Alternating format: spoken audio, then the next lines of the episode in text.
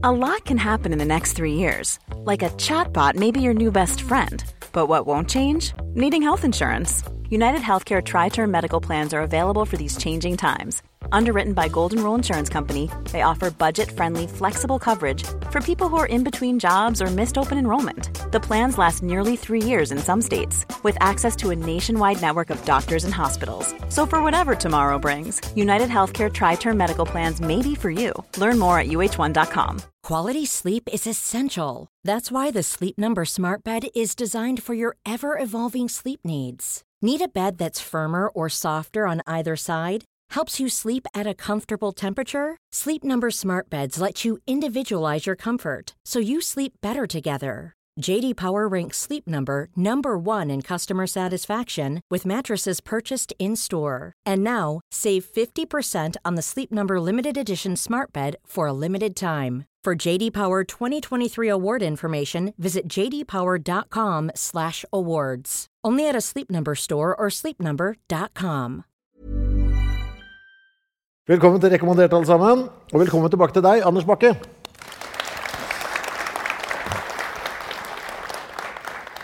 Jeg tror vi må bare forsikre oss om at folk skjønner hvem det er vi skal snakke om i dag.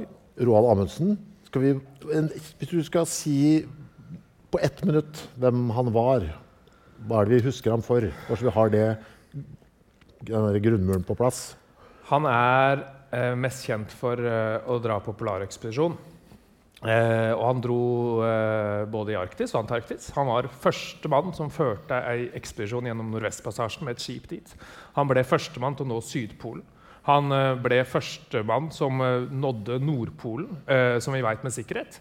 Og eh, han seilte også gjennom Nordøstpassasjen, så han ble liksom den som tok alle disse fire, fire store kroningene. Eh, og så var han en polfarer på, i en tid der det var lett å være stor kjendis. Perfekt for Norge, perfekt for verden. Eh, og er ennå en av de store superstjernene.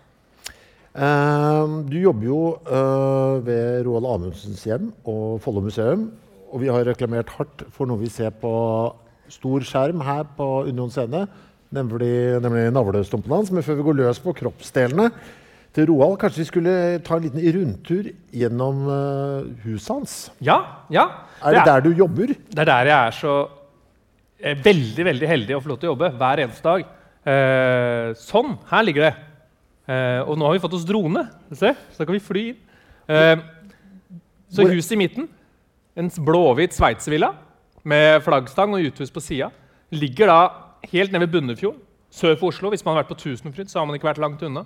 Eh, på Svartskog. Eh, det er et nydelig sted, vakkert sted. Veldig deilig at han bodde der, eh, så jeg slipper å jobbe midt i byen. Et nydelig sted å jobbe. Når er det han bodde der? På slutten? Starten? Hele livet? Han flytta inn i mai 1908, og så lukker han døra for siste gang 16.6.1928. Så det er da 20 år av de mest produktive periodene i hans liv. De- Der de eh, fleste ekspedisjonene skjer, og det er her han lever mesteparten av sitt liv. Dette blir eh, eh, hjemmet hans, det blir basecampen, det er her han planlegger ekspedisjonene sine. Det er her han lever et privatliv som han holder unna eh, offentligheten. Det er her han lever som både Roald og Amundsen. Så det er her han planlegger ekspedisjonene. Det er her han kommer tilbake når han er sliten og skal liksom tenke over hvordan det har vært. Så er det inni det bygget der han er. Riktig. Og det, det som er det enda mer fantastisk med dette huset, er jo at han lukker døra for 16.6.1928 og blir borte. Det er en lang historie, men, men det er jo ingen som bor i dette huset etter ham. Det betyr at eh, dette huset ennå står igjen sånn som han forlot den sommerdagen 1928. Det gjør det jo enda mer spesielt. Det er proppfullt av de tingene han hadde rundt seg. Og det er det vi driver og graver i nå. Prøver å finne ut av hva han hadde rundt seg, hvorfor disse bildene henger på veggen, hvorfor kjærlighetsbrevene ligger i, i eh, Noen ligger i peisen, noen ligger i skuffen. Eh, og sånt. Så Bodde han der sammen med noen?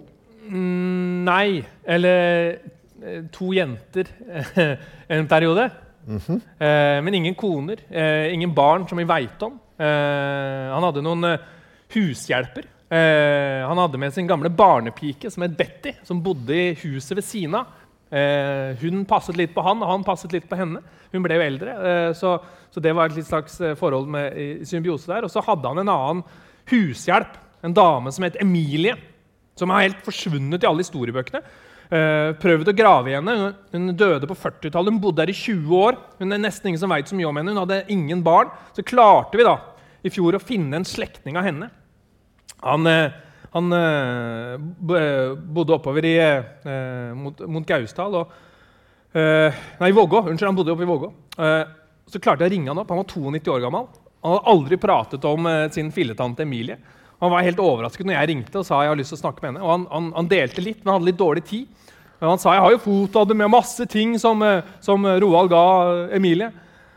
Og så eh, snakket vi litt, og så lovte, vi, lovte han meg at vi skulle snakke mer neste uke. Så vi la på.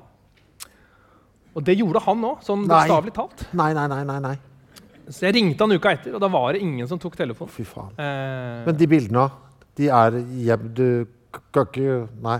og så ringte jeg kommunen til slutt Ja. og sa at dette er Ja, jeg tror, jeg tror det er en mann som ligger Han tar ikke telefonen min. Å nei, så du var den som varsla også? Nei, ja, jeg, han, og heldigvis så sa okay. kommunen ja, vi veit om dette. Eh, takk og pris. Eh, men, men det viste seg at eh, han hadde nevnt dette for sin, sine nærmeste. Så de albumet tok vi over. eh, med masse bilder vi ikke vet hvem er. Så vi kom et lite steg nærmere, og så to steg tilbake. Så det vi skal inn i nå, er en ungkarsleilighet. Ja, Er den åpen for publikum?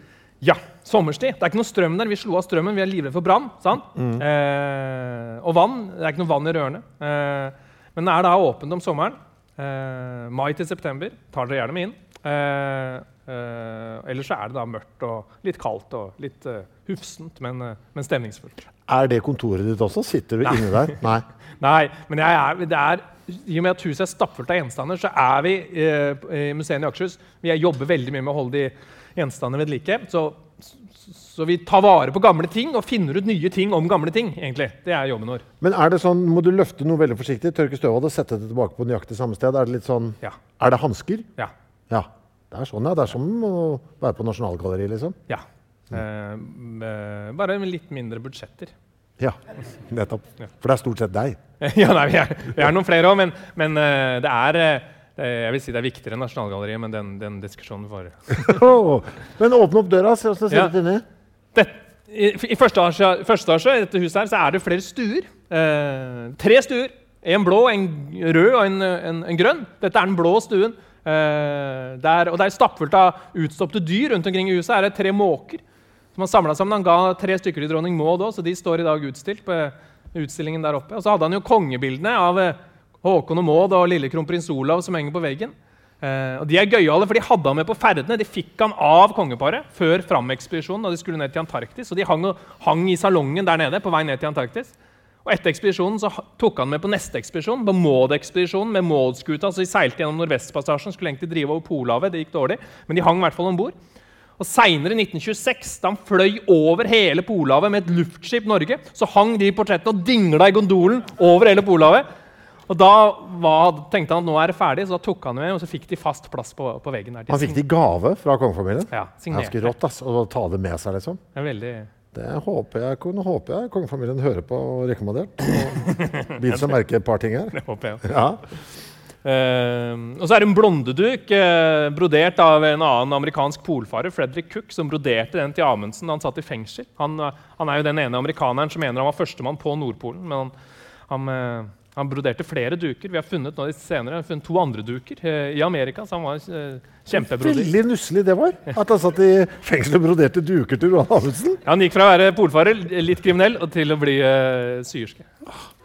Det er jo altså, Sånn så det ut når man kom inn. Det er ryddig, da. Ja, veldig. Eh, så så det, er, det bærer jo preg av en, at det her er ikke barn, f.eks. Mm. Eh, det er ikke noe mange leker og sånn. Dette er jo blå stund. Her er inne på inne doen. Bitte lite knøttlite toalett med sjakkmønstret gulv. Eh, Er det skitteskurv under vasken? Ja. Håndklærne henger der. Eh, det er gøy, fordi på doen der så står det en lapp. Eh, jeg, la, jeg, et, eh, jeg mener jo at det er dette som er derfor han dro. At dassen var tett. Tett må ikke benyttes. Er det håndskriften til Amundsen sjøl? Nei, det er det ikke, så noen andre har skrevet det. Så, men uh, uh, det er tydeligvis sånn irritert. Fire utropstegn. Så han, eh, noe av det siste han gjorde, var å gjøre sitt fornødne utafor, antakeligvis. Eller i andre etasje. Å ja, for det er do der òg? ja, ja, ja. Men eh, er den doen tett fremdeles? Ikke, ja, det er ikke vann heller. Nei. Eh, men jeg har ikke prøvd. Det er sant, det. Ja. Det får være neste mandagsprosjektet. Eh, tre, ja, trefarget lokk, ja.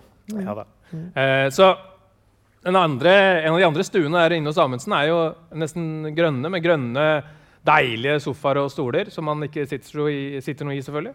Men det er her de siste årene vi har funnet ting, funnet ting mellom sofaputtene, under teppene, inni, inni kakkelovnen. Eh, og gravd oss litt nede. Har dere løfta av bildet på veggen og sett på baksida sånn? Ja. ja.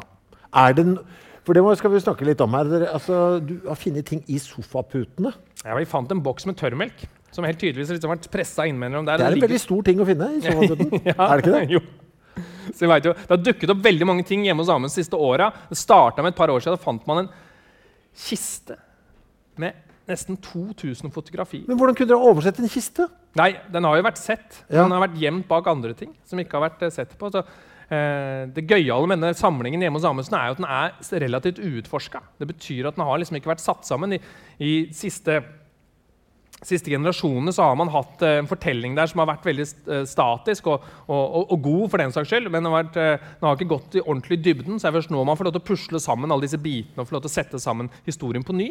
Som gjør at vi finner ting mellom sofaputtene, inni ovnen, i uthuset. funnet kroppsdeler. Vi har funnet denne kista med kjærlighetsbrev. Vi har funnet brudekjole med krans. Men ok, Hvordan var det dere fant den tørrmelkgreia i sofaen? Nei, Da gikk vi gjennom alle sofaputene. Var det noen som bare en morgen var Faen, har vi sjekka sofaputene, folkens? Var det sånn? Ja. ja. Og så er det bare ned med hånda Ja, hansker på. Hansker, ja, Hva er prosedyren da, liksom? Er det to mann på jobb, og en holder litt sånn forsiktig? Og, eller hvordan? Ja, Vi var to stykker, og så var det å jobbe oss gjennom uh... Var det du som fant den? Ja, var, jeg var med på det, ja. ja. ja. Skrek du da? Eh, ja. ja. Du skjønte du hva det var med en gang? Ja, det sto på. Ja.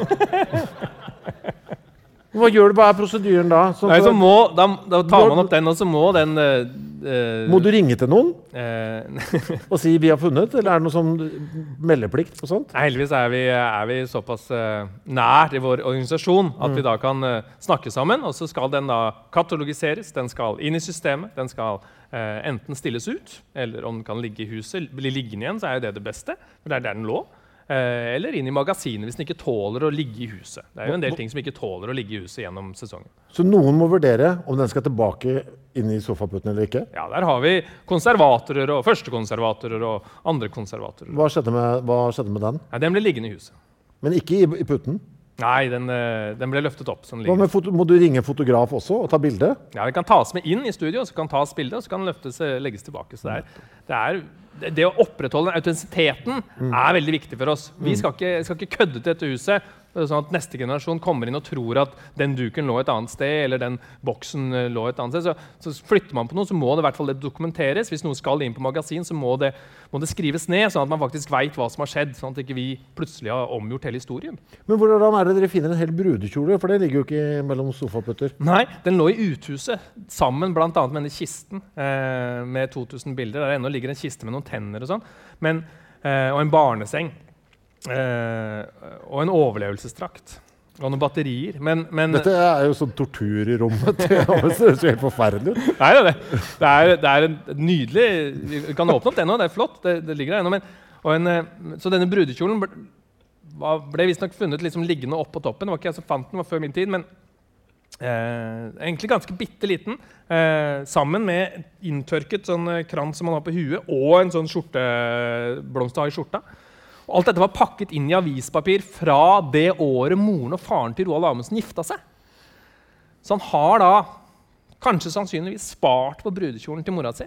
Eh, kanskje for å bruke den igjen, eller kanskje bare fordi det var et godt minne. Men i hvert fall, tanken er jo det siden Amundsen flytta hit i 1908 som voksen mann, så må han i hvert fall ha tatt med seg brudekjolen. Spart på den hele livet av en grunn. Og det er sånn vi må jobbe med alt dette her. Mm. vi må jo ha den tanken om at alt det som henger på veggen, som ligger rundt omkring, som er stappa nedi putene, som ligger i uthuset, det ligger der av en grunn. Det er ikke kasta, som har betydd noe for Amundsen. Det er det som er så spennende. Det er mm. det dette huset kan eh, gi informasjon om i forhold til andre utstillinger som kanskje er kuratert av museumsdirektører eller andre, der de har bestemt konteksten. Her er det, Dette er Amundsens egen samling.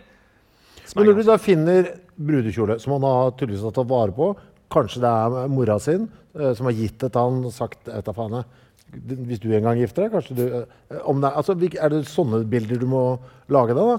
Ja, Eh, og, og hva tenkte du? Hvilke konklusjoner gjør, trekker du når du finner en brudekjole? liksom? Hva Ja, når- sier du om han? Ja, men Nå lager jeg ikke så mye bilder, det, det er ikke det jeg har betalt for. Men jeg har betalt for å prøve å finne ut av sannheten. Og, og vi, vi har ikke kommet lenger enn at jeg pakka inn denne avisen, og det er året moren og faren hans er født. Så, så mer veit jeg ikke.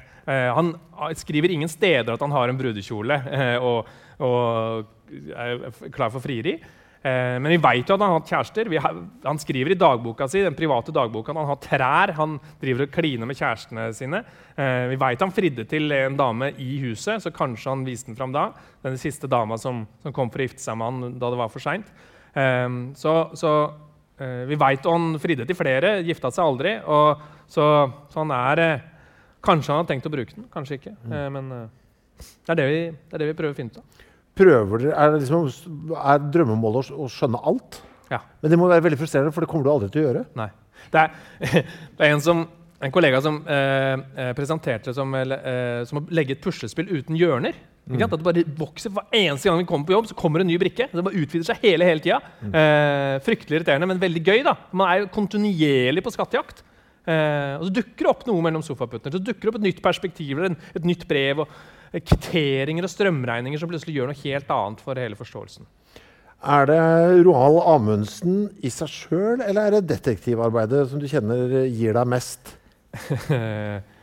For det er ganske vilt. Du, er- det, livet ditt handler om en annen dude som er borte og død, som du aldri kan snakke med.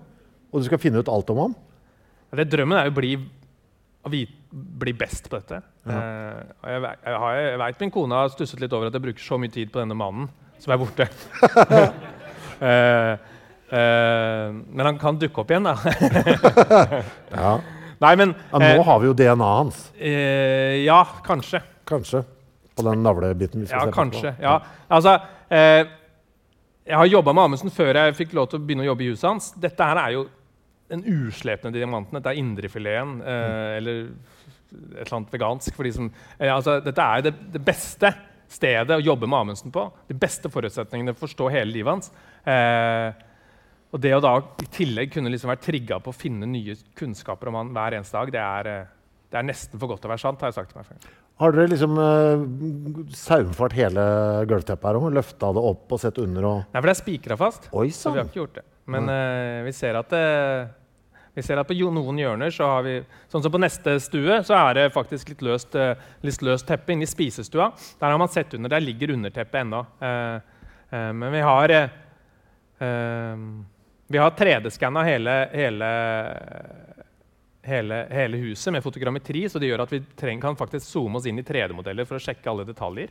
Eh, sånn at vi slipper å ligge på knærne når det er kaldt og det begynner å bli luksus. Hvilket rom er det vi er i nå? Dette er spisestua, så er det døren inn til kjøkkenet. så er det folk som da jobba der, f.eks. hun gamle Emilie hun, eh, som ikke hadde barn, hun kunne da komme og servere gjennom døra til venstre her. Og du ser Han hadde monogram eh, på stolene sine, R-a i gullskrift på, på, på, på skinnstolene. Eh, her inne står det jo en del sølvtøy også, og noe av dette sølvtøyet her ble jo da levert tilbake av Amundsens siste kjæreste. Eh, hvis vi har tid, så må vi jo snakke om henne. Eh, Elisabeth Maggitz. En eh, amerikansk, eller en dame som bodde oppe i Alaska, som Amundsen da fridde til i 1927. Kanskje var det den hun som skulle bruke bru bru- brudekjola. Hun var da 25 år yngre enn Amundsen. Hun bodde oppe i Alaska. Det sies at hun kom til Norge, feira jul hos Amundsen i dette huset. Eneste problemet var at hun var gift. Hun hadde en ektemann som satt oppe i Alaska, som ikke helt Kanskje, kanskje visste ikke hva som skjedde. Men ifølge henne sjøl, for vi har funnet et lydintervju, så innrømmer hun at Amundsen fridde til henne, og at hun sa ja. Den eneste lille haken var at hun måtte si fra til mannen oppe i Alaska at uh, nå, er, nå er det slutt. Og jeg har funnet skilsmissepapirene. Hun begynte plutselig å, å, å anmelde sin mann for, uh, for å være voldelig, så da gikk den skilsmissen i orden. Eh, Så pakket hun sammen sakene sine og dro da fra Alaska gjennom hele Amerika. Tok båten over hele dammen, kommer da til Norge. Men hun kommer da to uker etter at Roald Amundsen har lukket døra til huset sitt for siste gang og dratt ut på denne ekspedisjonen han aldri kommer tilbake fra. Så hun kommer til Norge, kommer til Svartskog, kommer til dette huset. Og møter da nevøen til Amundsen, som har nøkkelen, som sier vær så god, du kan, du kan få lov til å vente her. Eh, så når vi sier at ingen har bodd i dette huset etter Amundsen, så er det litt løgn. Hun bodde der og venta på Amundsen i hvert fall tre uker. Ja. Og han kom aldri tilbake fra den ekspedisjonen. Han kom aldri tilbake, så, så som en slags eh, Jeg vet ikke om det var trøst eller det var for at hun skulle holde kjeft, så fikk hun med seg en del sølvtøy, og så dro hun tilbake til Alaska. Ja, Og det er nå levert tilbake igjen. Ja, dette sølvtøyet bevarte hun, holdt hun nesten hele livet, før hun da solgte det og ville at det skulle komme tilbake til huset. Så det er liksom den linken vi har til denne damen som aldri ble Amundsens brud. Så det kan i teorien ha vært litt mer rotete i huset når Amundsen dro. For hun har jo vært der i tre uker. Det er sant. Jeg vil jo tro at man da rydder og gjør litt reint. og... Ja, Det kunne vært enda råere hvis hun ikke hadde dukket opp. eh, ja, det er sant. Men eh, sånn er det med historien. Ja, sånn er det. Det som er rått med, med spisestuen, er jo at eh, det tok litt tid faktisk, Det er jo så nylig vi fant under bordet ved Amundsens plass, som tydelig må ha vært helt i enden av bordet, som er det en ringeklokke. Eh, eh, Under bordet? Under bordet. Under her. Så det betyr at da, og Den var kobla, nå er den jo trådløs, for noen har kappet ledningen, men var jo ikke det. Det gikk jo ledning ned og inn på kjøkkenet, inn til en sentral som hang i gangen. Så betyr at hvis det var tom for poteter eller saus, eller noe, så kunne han elegant bare ringe på. Så kunne Emil eller andre bare komme sånn helt ut av det blå og gi dem mer å drikke. eller noe sånt. Det er jo sånn eh, sindig lite eh, ringesystem rundt omkring i huset. Vi finner de ringeklokkene flere steder rundt omkring. Tror du det er noe han har fiksa sjøl, eller fått en voksen til å gjøre? Jeg tror det er en voksen som har gjort det. Det står uh, RA 133. Ja, det er et museumsnummer. Okay. Så bordet er da i, eh, i, eh, i, eh, i objektsamlingen eh, nummer RA133. Har han sånn på soverommet også? Ringeklokke? Uh, nei, men han har det enda bedre sted. Uh, nå er vi oppe i andre etasje. Vi nærmer oss soverommet. Dette er jo da kanskje det mest helligste rommet i mine øyne i hele norsk historie. Eh, jeg er villig til å gå i krigen for det. Dette er Roald Amundsens arbeidsrom, kontoret, der han da planlegger alle ekspedisjonene sine eh, fra 1908. Eh, skrivebordsskuffene er ennå stappfulle. Skrivebordet er rotete. Det ligger bøker og brev rundt omkring som vi nå driver og går gjennom og digitaliserer og tilgjengeliggjør. Sånn at alle kan få lov til å, Du ser sånne små eselører i medisinboka helt nederst til høyre som er, som er morsomme å, å bla seg gjennom. Eh, jeg sa at skrivebordsskuffen var, eh, var stappfull. Her er ett eksempel. Med små visittkort, det er penner og papirer. Er, den i midten det er en drinkoppskrift. Oi, Eh, Som han har fått av noen? jeg aner ikke. Eh, her er den. Vi har prøvd den én gang. Jeg husker eh, halvparten av kvelden. Skal vi Vi prøvde den på bursdagen hans. Oppskriften han har tatt vare på, er altså én liter vann kokes med en spiseskje farin. Vannet siles og står til det er koldt. En liter sprit tilsettes tolv dråper karveolje. Vann og sprit slås sammen, og der tilsettes en halv flaske sherry. Tappes på flasker. Det var uh... Ja. Den er veldig god, men ja. Ja, den, det, det er altså 50-50 vann og sprit. Ja. Men så skal du da ha på litt sherry igjen for å få opp uh, alkoholnivået ytterligere. Det var trøkk, det. Det sies at han det sies at Amundsen tok seg en drink hver dag klokka fem. eh, hvis han hadde tid, og, og tre, tre røyk. Ja. Eh, hvis han var hjemme. da. Det sies. Det var liksom daglig rutinen hjemme på de eldre årene. Uh, hva er det, der, det ligger i boks der? Remington uh, High Speed Mushroom Bullet Ammunition. Ja, den Spritoppskriften ligger ved siden av en boks med kuler. Ja, Uh, ja. ja, det men er HMS, det. eh, ja, så det, det er jo det som altså, det viser noe av den autentisiteten i huset. Det er Ja. Det er ennå liksom det som ligger igjen, sånn som Amundsen lot det, eller som uh, Elisabeth rydda det. ja. Det er en parodi på maskulinitet. En, drink, en drinkoppskrift på verdens sterkeste drink. Og kuler, liksom. Vi har ikke funnet revolveren. Uh, Nei, ikke sant? så det. Men det motsatte av liksom det maskuline i skrivebordsskuffen finner du på rommet ved siden av. Er det ikke flott? Er det, det er badet? Eller Omkledningsværelse, som vi nevnte. omkledningsværelse? ja. Med Du, han hadde stæsj eh, gående. mye blomster. Ja. Og her ser du helt øverst ser du eh, oppe vasken. Her oppe. Der er det den ringeklokka igjen. Eh, helt oppe til venstre for gardina. ja, der, ja. Nettopp. Da kan han stå og se seg i speilet, og så ringe på hvis han manglet såpe eller skum eller børste. Eller. Men det er jo da for podkastlytterne det er et speil, men med sånne lyspærer ved siden av speilet. Sånn teaterlyspærer. Ja. Uh, og noen skåler og rabalder. Hva slags, eh, hva, hva, slags produkter var det han likte å bruke? Nei, det er noe olje, og så var den sponsa av eh, Kullmanns Furunålsbad. Ja vel. Han, han luktet av Dent. Pastillen Dent. Det var liksom lukten hans.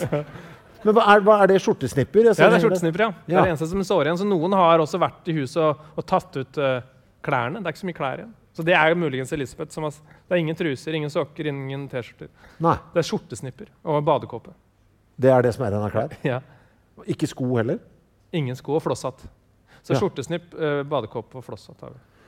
Hva slags badekåpe hadde han? Eh, det er en slags japansk yukata. Oi, det var litt fornemt. Ja, Du, han likte tydeligvis å dolle seg, da. For jeg ser jo, Han har jo da vanlig speil Ja. sånn over vasken, men også litt sånn hendig sånn speil han kan sette bak seg for, for å se hvordan han ser ut på baksiden av sveisen. og sånn. Der, I det lille rommet så er det fire speil, så han kunne se seg i samme øyeblikk se seg selv fra fire retninger. Uh, det var uh, overraskende. Og Et annet sånn, veldig sånn autentisk eh, bilde på det hele er hvis, du, hvis vi åpner opp den, det skapet til høyre der, så er jo det ennå stappfullt av sånne toalettsaker. Ja. Hvordan Fikk du et inntrykk av hvordan det var med helsen hans når du så der? Ja, så Her har vi jo da den store bakerste eh, flaska. Det er jo badesalt. Rosa badesalt. Lukter blomster. Rose. Så er det da en helt ubrukt eh, flaske med, som, fjerner, eh, sånn, eh, ta, eh, som fjerner plakk på tenna. Den har de ikke brukt noe av. Den grønne tuben er en helt tom tube med hemoroidekrem. Den var Det er ingenting igjen. Nei, der har den eh, Den har gått unna. Ja. Ja. Og så er det noen sånne pastiller mot dårlig mage øverst til venstre, som eh, det bare er to-tre igjen av. Så det er hemoroider og, og, og dårlig mage. Tannbørsten til høyre er ganske, ganske slitne. Man får jo litt sånn Jeg vet ikke, jeg får litt vondt av nå, liksom. Her, liksom det er jo så privat òg, på en eller annen rar måte. Men så er det inn og bare se Ja, hemoroidekremen og Hadde han visst, liksom? Ja, det er det. det er det, Jeg vet det. jeg vet det. Og jeg har tenkt mye. Uh, uh, men jeg mener jo at Roald Amundsen har et veldig dårlig rykte. Jeg møter veldig mange som sier at Amundsen var en drittsekk.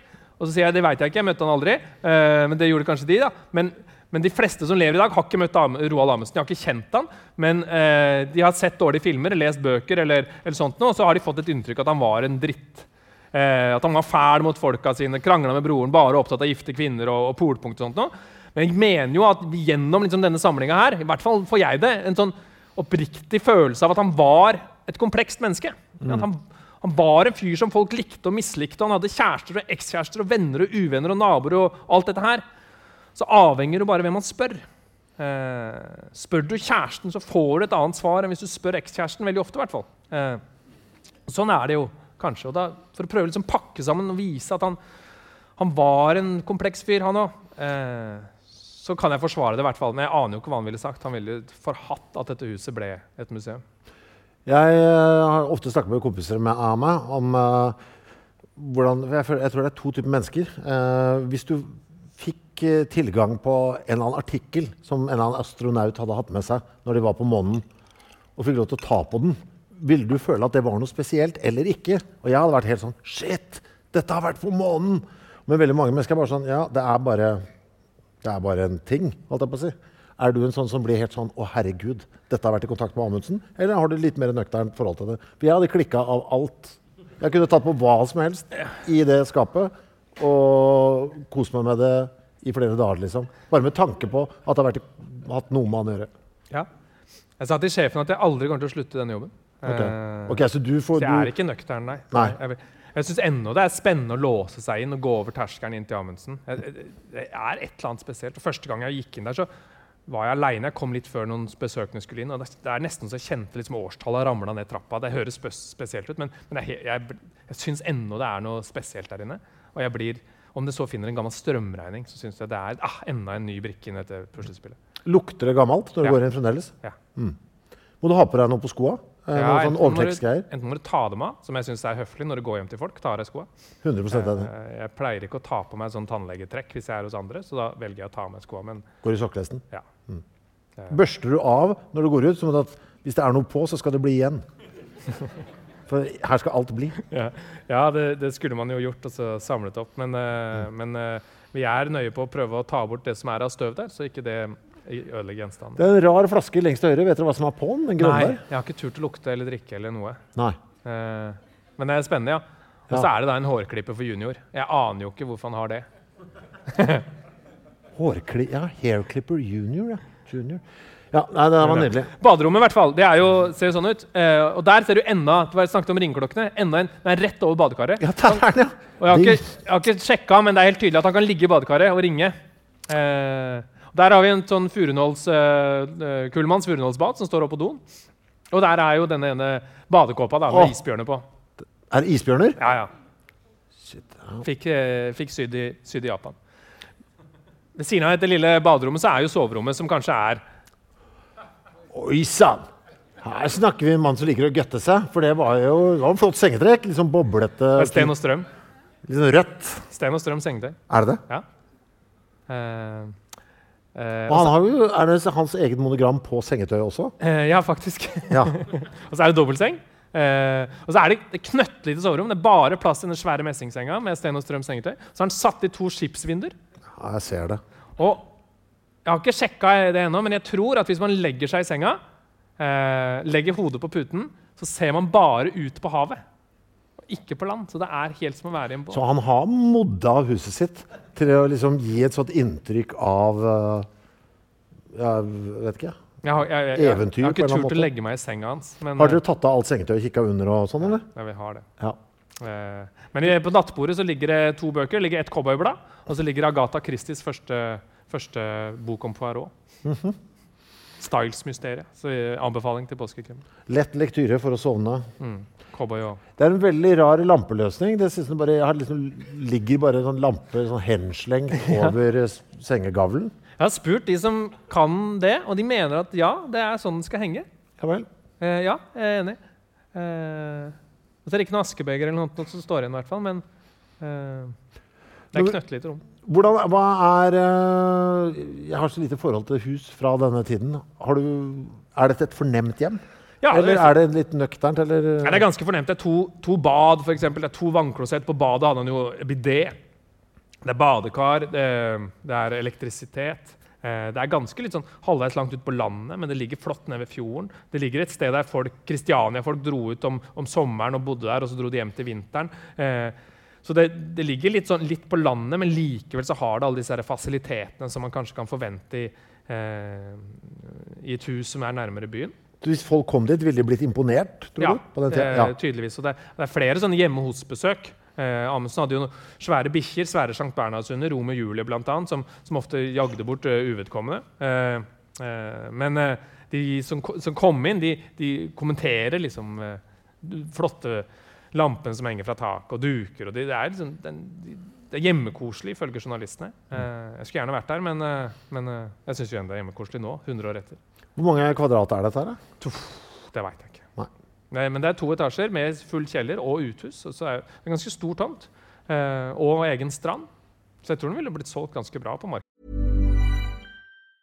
There's never been a faster or easier way to start your weight loss journey than with PlushCare. PlushCare accepts most insurance plans and gives you online access to board-certified physicians who can prescribe FDA-approved weight loss medications like Wigovi and Zepbound for those who qualify. Take charge of your health and speak with a board-certified physician about a weight loss plan that's right for you. Get started today at plushcare.com slash weight loss. That's plushcare.com slash weight loss. plushcare.com slash weight loss. Hold up. What was that? Boring. No flavor. That was as bad as those leftovers you ate all week. Kiki Palmer here, and it's time to say hello to something fresh and guilt-free. Hello Fresh. Jazz up dinner with pecan-crusted chicken or garlic butter shrimp scampi. Now that's music to my mouth. Hello Fresh. Let's get this dinner party started. Discover all the delicious possibilities at hellofresh.com.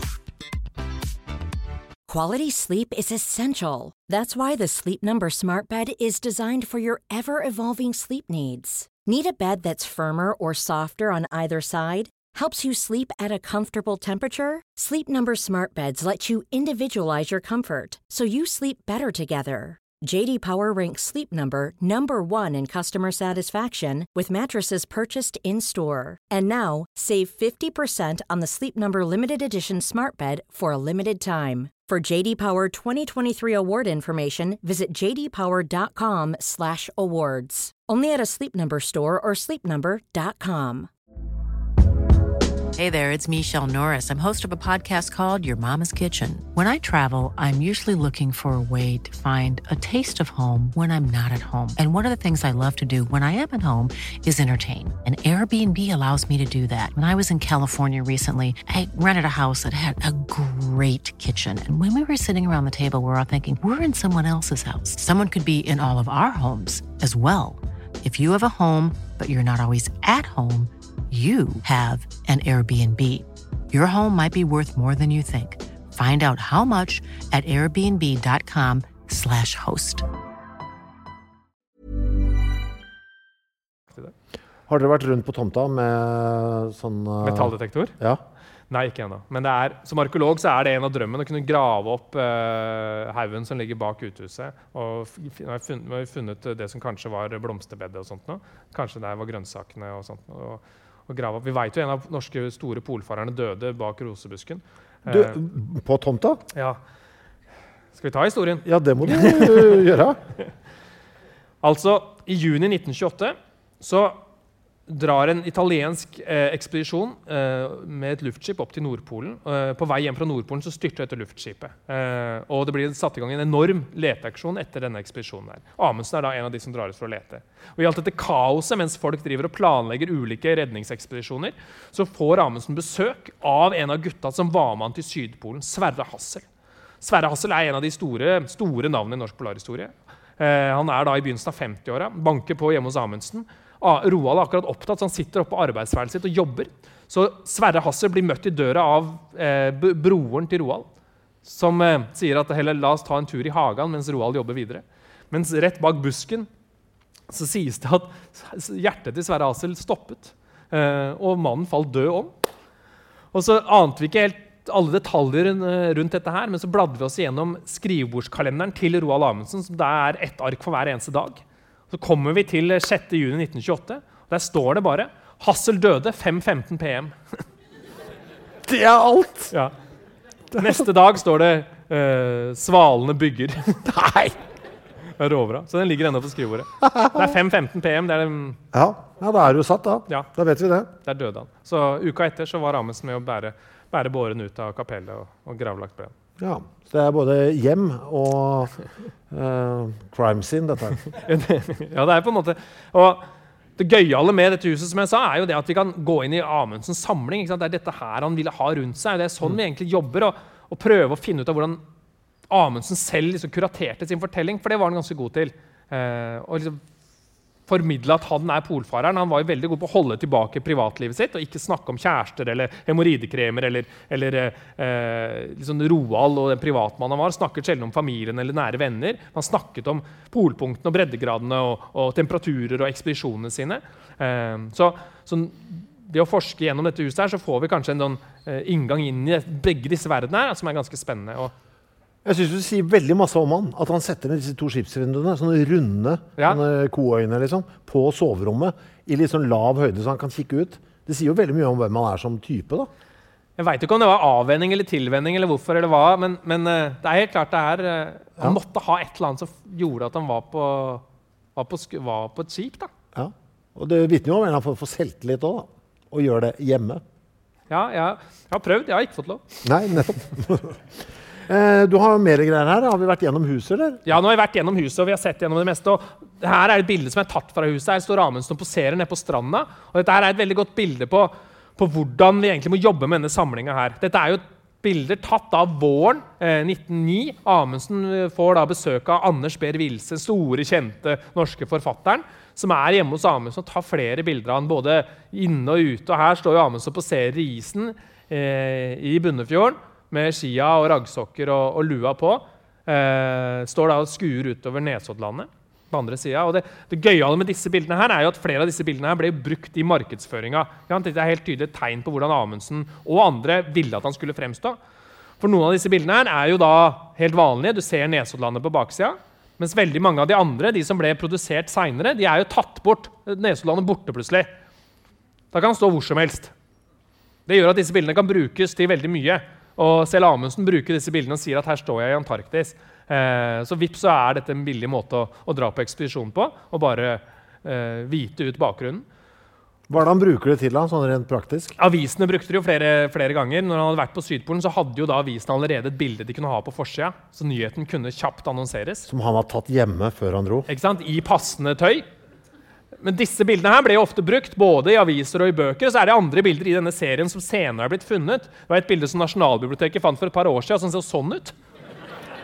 Her ligger den bare sånn henslengt i, i snøen som Det er litt sånn sexy eh, Ja. ansiktet hans, da. Ja. Det er fint. Ja, det er, det, er, det er noe, i hvert fall. Men altså, det er jo også noe som jeg tror mange ikke tenker på. Man ser på for seg at det der, den kommersialiseringen av person Ja. er noe litt nytt. Men det lever jo så til de grader på den tida her. En enorm merkevare. Ja. Amundsen var en av de som passa rett inn i en tid der, da avishusene ble større og større. Og for Amundsen så var dette helt essensielt. Han måtte være en polarfarer. Og, og, og sånn er det ennå i dag. at Det er ikke isen du tjener penga, det er når du kommer hjem og kan fortelle historien og kan eh, vise bilder og fortelle foredrag og, og, og selge bøker. Og så kan du da tjene penger til neste ekspedisjon, som må være enda mer spektakulær. Som kan skape enda nyere historier. Så, så det å kunne både ha bildemateriale, fortellinger og historier om fra isen som kan fenge et publikum, ble bare viktigere og viktigere for Amundsen. Og det er helt klart det var et, et race for å få nyheten ut. og Etter hvert så fikk de med seg pressefolk om bord på fly og luftskip, sånn at verden kunne følge med dag for dag. Så Han var jo da en polfarer som var født perfekt inn i en tid, som han også da kunne, kunne klare å mestre. også. Eh, Var det bare han selv som gjorde dette, eller hadde han et apparat som hjalp ham? Eller var det en sånn enmannsbedrift? dette her? Altså, tenker jeg på den salgsbiten av å selge seg selv som en merkevare.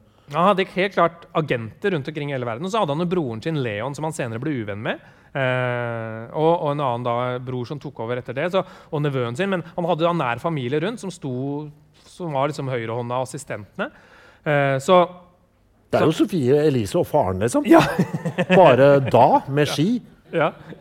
Det er helt klart det. Og, men han, han ble en perfekt merkevare akkurat når Norge trengte sine helter også, som er veldig viktig. Men så er det klart at det var, det var viktig for å liksom, eh, det var viktig å, å, og kommunisere riktig historie. Og, og det med photoshoppingen her er jo liksom en del av den merkevarebyggingen av Amundsen. Eh, og det er også et veldig godt eksempel på hvordan vi må jobbe. Vi må vite hva er det vi ser, og hva er det vi ikke ser. Ja. Det der at vi ikke ser Nesoddlandet, betyr ikke at bildet er tatt i Antarktis. Det, vi må finne ut av hvorfor de, hvorfor de har gjort som de har gjort. Eh, og Et annet godt eksempel med sånn, med sånn photoshopping kommer jo fra en av Amundsens ekspedisjoner. Jeg har et bilde her fra, fra Gjøa-ekspedisjonen, altså som er den første ekspedisjonen hans. Første egne ekspedisjon. Han skulle føre ei skute gjennom Nordvestpassasjen. Eh, da var det et lite mannskap, ser du. Det jeg stilte opp her. Amundsen i midten med lengste barten og lengste nesa, med henda i kors. Eh, ved siden av kokken Lindstrøm, som var eh, en mester til å steike pannekaker. Har brygget sitt eget øl og var ofte veldig veldig blid. Ellers er det mannskapet rundt. Dette var et av de bildene som ble tatt før ekspedisjonen. Veldig viktig for markedsføringen av ekspedisjonen. å liksom ha mannskapsbildet. Det eneste problemet med dette mannskapsbildet her, og alle bildene som ble tatt før ekspedisjonen, var jo fyren som sitter helt til venstre. Han het Andreas Pedersen og var egentlig en del av mannskapet. Men rett før avgang, da, i sommeren 1903, så fikk han fyken fra ekspedisjonen. Og det er mange versjoner hvorfor. Pedersen mente at Amundsen skyldte ham penger, og Amundsen mente at han var udugelig, så det ble krangling. Men store problemet etterpå, når disse bildene skulle trykkes, var jo at Pedersen var med. Så man begynte da å prøve å viske bort Pedersen, og, og, og lyktes sånn Jeg veit ikke Du kan jo gjette hvor Nei, det er den dårligste photoshoppingen jeg har sett. Det er, ja, For de som ikke ser det, som ikke er her på Union nå Det er, altså, det er bare tatt eh, blanko eh, og bare liksom malt over der han var på bildet. Ja, det er slapt. Ja. For det skal liksom overfor pressen uh, framstå som om de er underveis. på en Ja, måte. sant? Og her er, her er de som seilte gjennom. Eh, Ja. Mm. Nei, men eh, det er tydelig at Pedersen ikke ble med. Ja, det er det. Det var stenhardt. Så, så sånn, sånn, sånn, jo, sånn var jo spillet. ikke sant? At man måtte, måtte navigere seg litt gjennom dette. her, Og, og alt funka ikke etter. Men, men som jeg sa, markedsverdien var viktig. Nyhetsverdien var ekstremt viktig. Og det var jo under Gjøa-ekspedisjonen. Når Amundsen var ferdig med å seile gjennom, så ble han igjen, gjennom i området et år til. Men likevel så sendte han nyheten hjem til Norge at de hadde kommet gjennom. Det var en stor greie at han hadde klart å føre et skip gjennom Nordvestpassasjen. Det hadde man prøvd i flere hundre år tidligere. Men det som skjedde da, var at han hadde solgt rettighetene til denne nyheten til ulike aviser. Men så var det en utro telegrafarbeider som klarte å fange opp nyheten. Så spredde det seg rundt omkring i verden før de som hadde kjøpt førsteretten, fikk det. Så penga forsvant. Så når Amundsen da seinere hadde nådd Sydpolen og skulle varsle om at han hadde nådd Sydpolen, så gjorde han det i koder. Eh, så han sendte da de første telegrammene hjem fra Syd, at han hadde nådd Sydpolen. Han sendte da det hjem til broren sin Leon. Sendte han, Amundsen sendte det da fra Hobart til Tasmania, sendte hjem til broren sin Kristiania. Så så korrespondansen ut sånn. Jeg kan jo lese litt her. Det er jo uforståelig. Eggboods med Z, bindestrek, MPGZ. Og så nytt ord.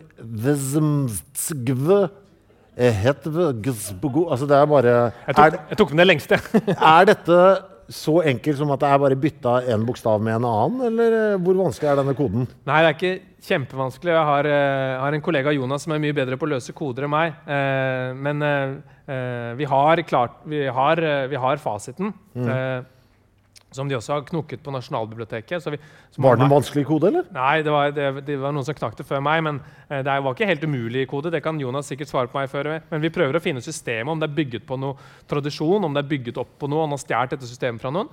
Men det var da dette her og andre ting Amundsen har sendt hjem til Leon, som da måtte faktisk si fra til, til de som måtte ha beskjeden først. Og Problemet der var jo at man, de ville at kongen skulle få vite dette her før resten av verden. Kongen var på militærøvelse i Sandvika, så, så de måtte vente litt. Så, så det ble litt problematisk, det hele.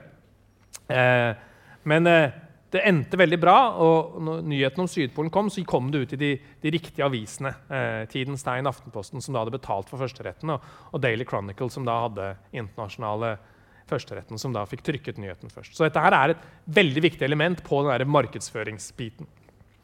Kan du koden nå? Kan du skrive på den koden? Nei, ikke ikke utenat, men du sier noe, det har jeg lyst til å øve, eh, lære meg. Skal jeg skrive alle SMS-er framover? Ja. I uh, Ja, men som kodespråk. ja. Miljøet burde jo bare kommunisere på denne måten. Ja, Hvis folk ikke bruker språket, så er de, dør de ut. ja. Ja, ja, ja. Det er sant, det. Så en egen Facebook-gruppe hvor man bare snakker i Amundsen-koden. Heter den noe, forresten? Koden? Nei, ikke ennå. Eh, så det får man jobbe Men hvor hva er det han tjener pengene sine på? Er det stort sett på å selge nyheten, eller er han, er han influenser av noe slag også? Eller? Ja, det òg. Det er bøker, det er foredrag, det er, det er, eh, det er merkevaren sin. Eh, og så er det jo det, det å dra på ekspedisjon. Da får han en del sponsorer. På den tiden her så kunne du få statlige midler. Kongen, kongen kunne gi midler og, og sånt. Og det var, særlig når du gjorde bragder som Sydpolen, så var det lett å få eh, nasjonale midler til sånne ekspedisjoner. Det får du aldri igjen. Hvis du skal i dag gå til Sydpolen, så kommer ikke kongen inn og gir deg, gir deg penger. Eh, men det er helt klart han fikk, han fikk mye spons. Hva er det sponsorene får igjen, da? For det er jo ikke, de er jo ikke der og kan filme ham. Det er ikke en svær Red Bull-logo som er til stede når det skjer. Hva er det de får igjen, liksom? I avisene etter alle disse ekspedisjonene så sto det sånn at Amundsen brukte dette smøret, eh, Ja. og han bevitner at dette var bra. Så måtte han gjerne skrive tre-fire linjer om hvor bra dette smøret var. Eller ovnen. Eller, han, eh, eh, eller spriten reklamerte han for. Eller hvis han satt på med et bilmerke, så ble det lagt merke til, og så var det plutselig det som var greia. Eller eh, sild. Eller eh, livredningsdrakter. Eller alt mulig. Appelsiner. Jeg har et bra, bra eksempel i arkivet som vi fant om eh, appelsiner. Så jeg har gått gjennom hele arkivet for å prøve å finne ut av hvor, hvor stor Amundsen egentlig var. Som har vært veldig, veldig spennende de siste åra. Eh, gått gjennom veldig mange sånne barnebrev. Eh, veldig mange barn som skrev brev til Amundsen. eh, som er et veldig godt blikk på hvor, hvor svær han egentlig var. For han fikk jo brev fra presidenter og konger og, og, og også enker som ville ha penger av ham. Men de barnebreva er veldig gode. Jeg har et eksempel her. Her er en fyr i, i Porsgrunn. Han heter det samme som Roald Amundsen. Han heter Sigurd Roald Amundsen. Oi! Så han skriver Får jeg også lov å gratulere deg. Jeg er en liten åtte års gammel gutt som heter Roald, og min far heter Amundsen, så vi har likt navn. Han sier han er avisgutt og har, lest om Nordpolsferden, men avslutter ganske fint. Nest etter Jesus er du den største mannen jeg veit om. Så stor er Roald Amundsen. Altså, gi du lenge leve, være frisk og sunn. Ja. Han er åtte år. Det er Porsgrunn, da. Et annet godt eksempel på hvor stor Amundsen er, er jo dette her. Dette er et brev Amundsen fikk fra en fyr oppe i Brønnøysund. Det er da en fyr oppe i Brønnøy, eh, og fjellet står ennå. Da han mente han kunne se Amundsens profil i fjellet. Ok, og, han sendt, og tatt bilde av det og sendt til Roald Amundsen. Riktig. Er det den lille, rare knasten vi ser på venstre hånd der? Ja, ja, ja, det er nesa. Du ser Ja. det hvis du vil. Ja, ja. Eh, så han sender da dette til Amundsen, og dette er jo litt enda mer ekstremt. Denne fyren her, som hadde tatt et bilde av en snøkledd gran og mente at den ligna såpass på Roald Amundsen at han måtte sendes. Og så stor var Roald Amundsen at trodde, folk trodde de så han rundt omkring i landskapet, så sendte de til ham. Hvor stor er er han i utlandet? Jeg skjønner jo at han er svær her, på en måte. Han er stor i Amerika eh, fordi eh, det selger bra. Han er eh, ikke like stor i England, men han er jo et eh, tydelig navn. Eh, Japan er han big etter hvert. Eh, Tyskland er han stor et, til, etter hvert som han Helt til han leverer tilbake alle medaljer og ordener under første verdenskrig. Og, og, og, går der. Italia er han stor helt til han begynner å krangle med det. Så han er en internasjonal stjerne. Han holder foredrag rundt omkring i hele verden. Eh, og han er ennå en eller annen fyr som, som, det finnes statuer og gatenavn og togvogner har jeg funnet rundt omkring. Eh, og biler og, eh, og, spor etter rundt omkring i, i, i, faktisk nesten hele verden. Eh, så det er, det er en svær, svær, mann sånn merkevaremessig. Uh, her er faktisk det avisgreiene. Uh, det er en importør da, i Norge som i, i 1927 har lyst til å importere appelsiner med merket Roald Amundsen-appelsiner, for da vil det selge bedre. Uh, hvis han kan få lov til tillatelse til dette. Kunne jeg få lov til å innregistrere et eksportmerke, Roald Amundsen-appelsiner, med bilde av den berømte polarfarer? Dette merket vil, hvis jeg får tillatelse av dem personlig, kun bli benyttet for en helt utsøkt kvalitet, og vil jeg være særdeles forbunden for å høre fra dem i den anledning. Og Amundsens svar er det her. Det finnes allerede. Nei! Oh, han hadde allerede appelsiner! Ja. Å, herregud. For var... et bilde det er av ham på appelsinboksen. Han ser ut som en veldig sliten gammel dame på det bildet. ja. Og det er, så, det er jo så, langt fra polfarer og appelsiner. Ja, det er helt ute. Ja, Nordmannen liksom skal reklamere for appelsiner. Dette er mine favorittappelsiner. Ja. Det er det og furunålsbad og, og, sykler og sprit. Og bil. Ja, det sier hvor stor Han kunne brukes til hva som helst. Mm. Under første verdenskrig så ble han hyra inn fra Amerikas utenriksdepartement for å holde foredrag om krigen. Eh, han dro ned til slagmarken, til fronten, Belgia, Frankrike, og, og så eh, de allierte slåss. Og så dro han til Amerika og snakket om, om, om uh, innsatsen. Så han var en, en, en, influenser i sitt beste historiske forstand. Vanka han i noe kjendismiljø? Altså Var han sånn som liksom likte å meske seg med andre kjente personer, eller var han en einstøing? Ja, han, eh, eh, han banket i miljøer. Eh, og, men han likte også veldig å være eh, for seg sjøl. Han hadde jo han uh, vernet jo om privatlivet sitt. Han hadde jeg har en tegning av det, han hadde et sett med løsbart og briller, så han var ekstremt bra til å gjemme seg unna. Han hadde et eget pass med bare mellomnavnene sine i. Så han kunne sjekke inn på hoteller og amerikabåter eh, med et helt annet navn. Så han kunne reise inkognito gjennom. Vi har klart å trekke alle turene han gjorde inkognito. eller i hvert fall som vi har funnet da. Eh, eh, så, så, det er liksom eh, Han var en fyr som, som både kunne trekke seg unna, eh, men også, men også være, skjønne verdien med å være, være tydelig. da. Mm. Eh, en annen ting som har brukt veldig mye tid på siste året, er å gå gjennom søknadspunktene. Alle de som ville være med på ekspedisjoner. Det er altså veldig godt tegn på hans status, han, hans symbolverdi. Og det er noen veldig vakre søknader nå eh, denne vinteren. her, så Jeg har sett på noen søknader fra, fra de siste, siste ekspedisjonene. så Det er bl.a. En, en svensk 14 år gammel gutt som skriver eh, jeg vil gjerne være med på ekspedisjon. Jeg skal konfirmeres neste søndag, men ellers er jeg ledig. og så har vi Jeg tok med to hit. da. Uh, dette er nydelig. 1926 da har Amundsen en plan om å fly over Polhavet med luftskipet Norge. Så får han da flere søknader for kvinner. Og det er, det er, det, det er ikke så uvanlig i dag, men da var det ganske veldig uvanlig at kvinner hadde lyst til å være med på ekspedisjon. og i hvert fall fikk lov til å være med. Og denne her er nydelig. Det står da Herr Roald Amundsen. Er det en avgjort umulighet at de ikke kunne ta med en liten hardangerjente på den vovlige ferden til jordens øverste kuppelhode? Det er vakkert. Ikke tale om, har han skrevet øverst. ja, det står der oppe, ja. Ikke tale om. Ja, uaktuelt. Men ja, det virker som han er ganske tilgjengelig. da. Disse brevene kommer fram til ham. Og... Det er det som er så gøy med dette arkivet i Roald Amundsen. Siden han bodde her i 20 år, så er det tusenvis av brev!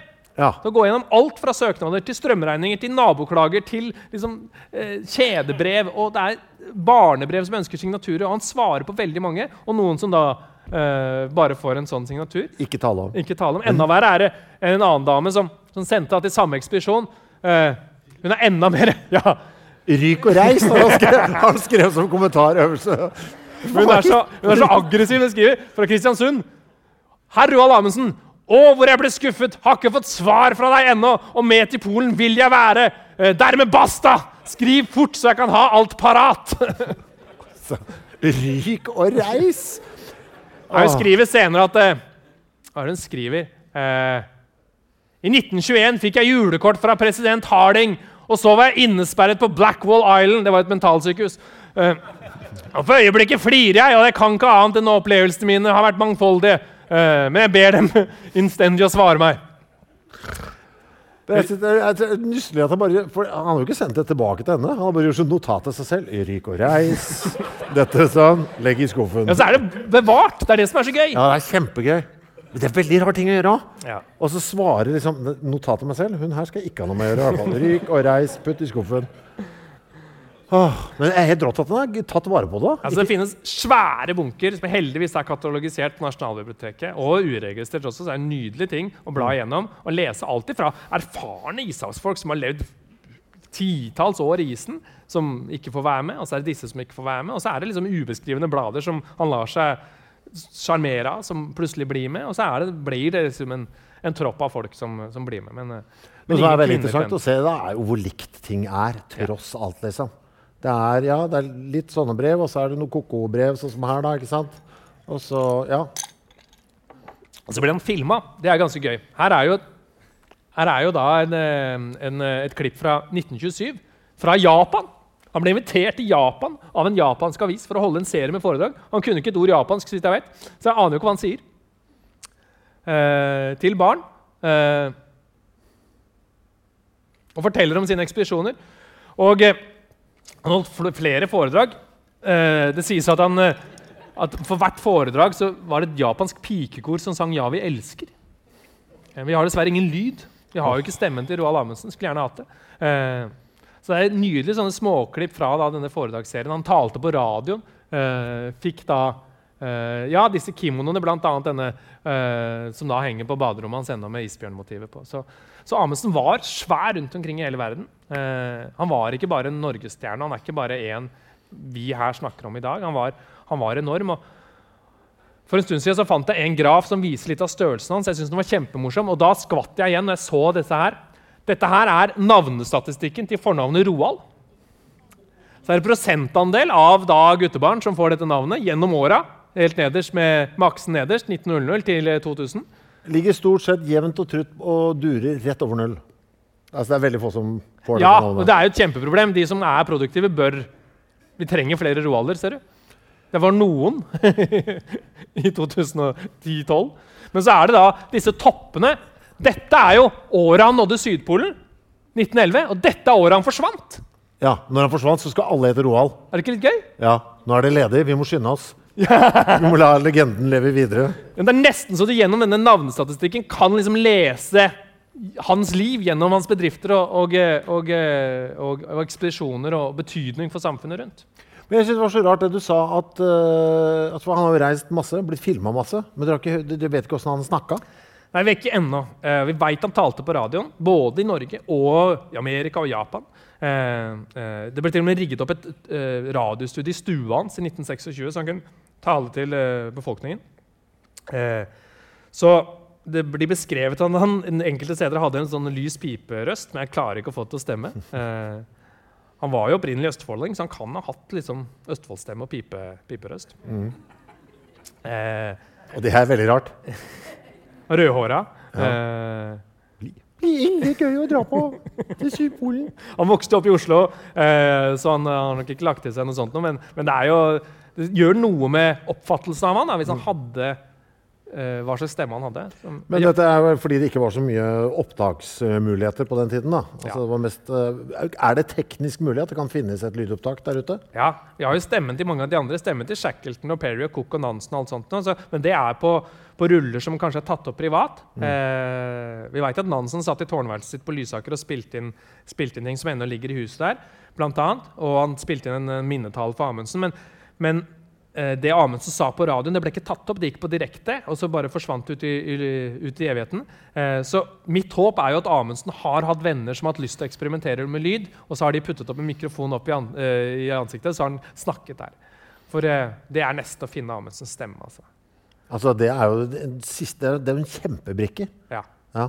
det er det. Så ja, vi mangler. Det Men er det utlandet du må se til da, kanskje? Nå har jeg sett i Norge. Eh, vi trodde vi fant den. Vi fant noen lydruller i nattbordskuffen. Å, herregud. Ja, det, akkurat det sa jeg òg. Ja. Og så Når var dette? Eh, et par år siden. Og så, og, så, og så sendte vi dem inn til analyse på Nasjonalbiblioteket. Og så får vi tilbake, og der står det at uh, mysteriet er løst. Men de visste jo ikke at vi jakta på stemmen til Amundsen. De oh, sa at nå har vi funnet lyden. Eh, og det var lyd på dem. Men det viser seg at de tilhørte den talende klokken som man har på skrivebordet. Det var en tysker som hvert kvarter sa hvor mye klokka var. det, det er fryktelig irriterende, så jeg skjønner jo at han har tatt ut lydrullen. Eh, Det var bare en tysker som sa 'drei ord'. ja, akkurat. Ja. Det var veldig fersk klokke da, for den tida, var det Ja, ikke? veldig, et av de første talende klokkene. Ja. Jeg aner jo ikke hvordan han tyskeren så ut, så det er liksom neste. Da har vi lyden til tyskeren. Og jeg får så vondt av deg når du får den mailen. Mysteriet er løst. Samle alle på kontoret. Kanskje kjøpe noe kake. Ja, ja. Drei ord. Å, fy faen. ja, det var en liten nedtur. Altså. Ja, det skjønner jeg. Men har du troa? Tror du det kan gå? Ja. Jeg kjenner jeg er nysgjerrig. ja nei, men jeg skal, jeg skal love å si fra. At jeg, jeg mener at det bør Hvilket land har du størst tro på? Hvor er det han kan ha Amerika. Ja. Uh, så- Han var såpass stor at han snakka på radioen i USA, liksom? ja. Eh, men der er teknologien framme, og der bør Ja. Jeg, ja, så har jeg lyst til å dra dit. Hvor skal du dra for å lete? Jeg starter i vest eh, og reiser til øst. Ja, men Har du noen sånne points? liksom? Det er noen radiostasjoner? noe... Nei, Han var mye i Seattle og liksom norske miljøer rundt omkring der. Kanskje det er der.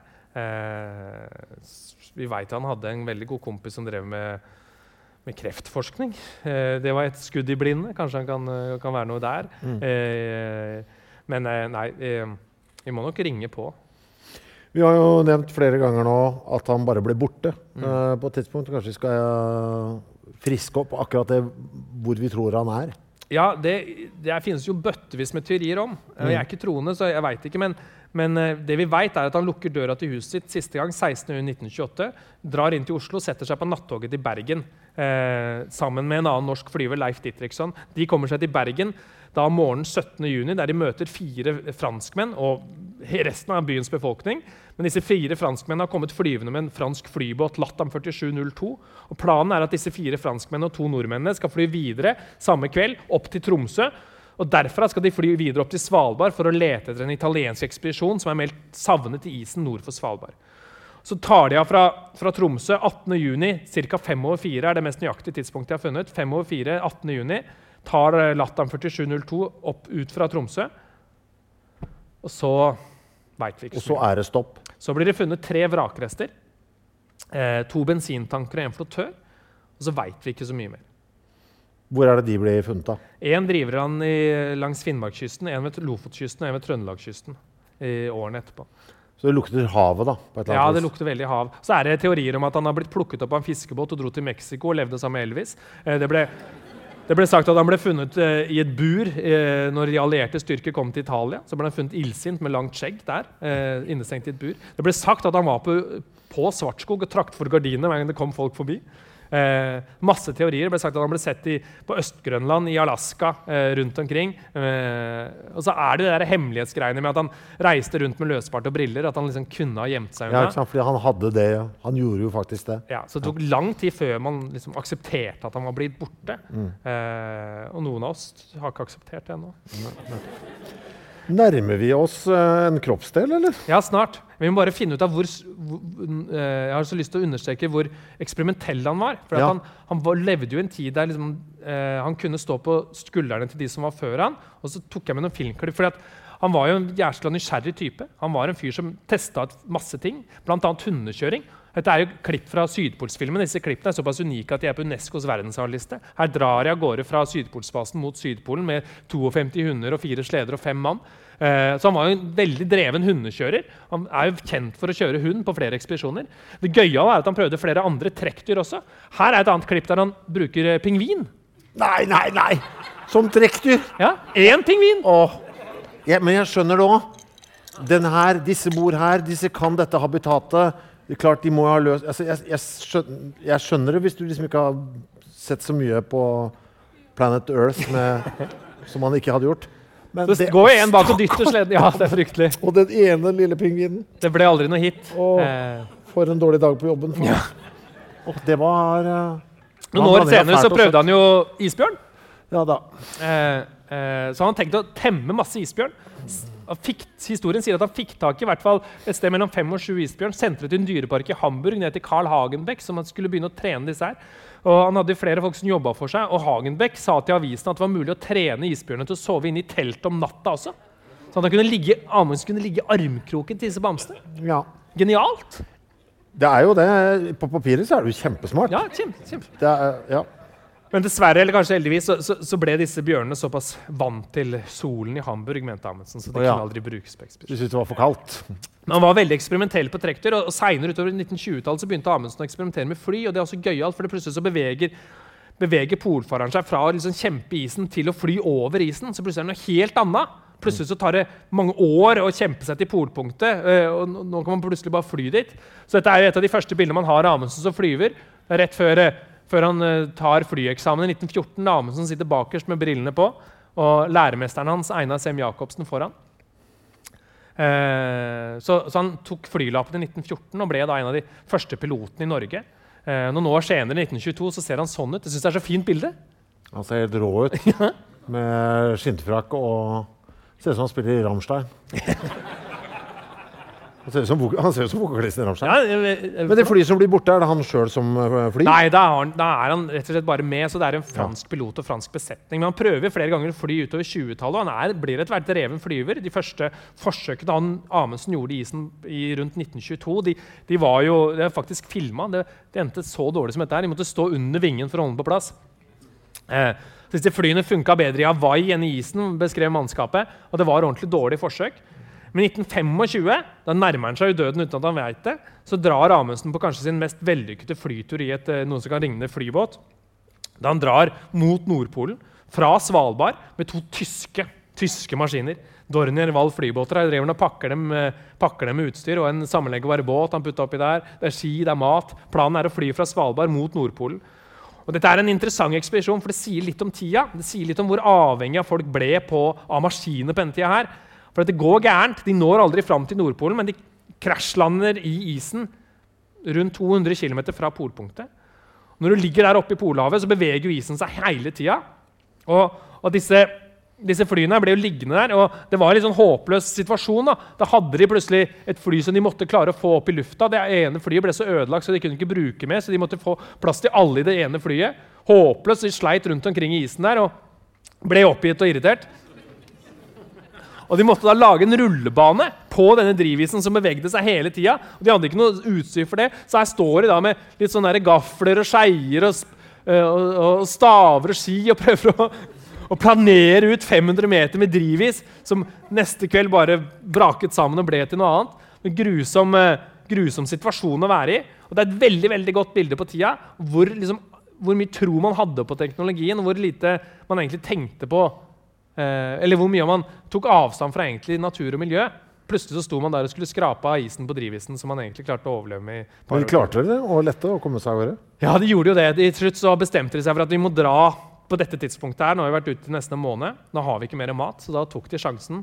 Hev seg opp i, i det ene flyet, eh, starta motoren og gønna på. og Hadde bare ett forsøk og klarte å komme seg hjem. Så de kom seg hjem. Og, og seinere, så er jo da, for å runde av dette her, så er jo da Amundsen da Året etter så prøver han seg i lufta igjen, og da med ny farkost. Dette er et sånn enormt bilde på utviklinga. Her er over 100 meter langt luftskip som svever over Kongsfjorden på Svalbard.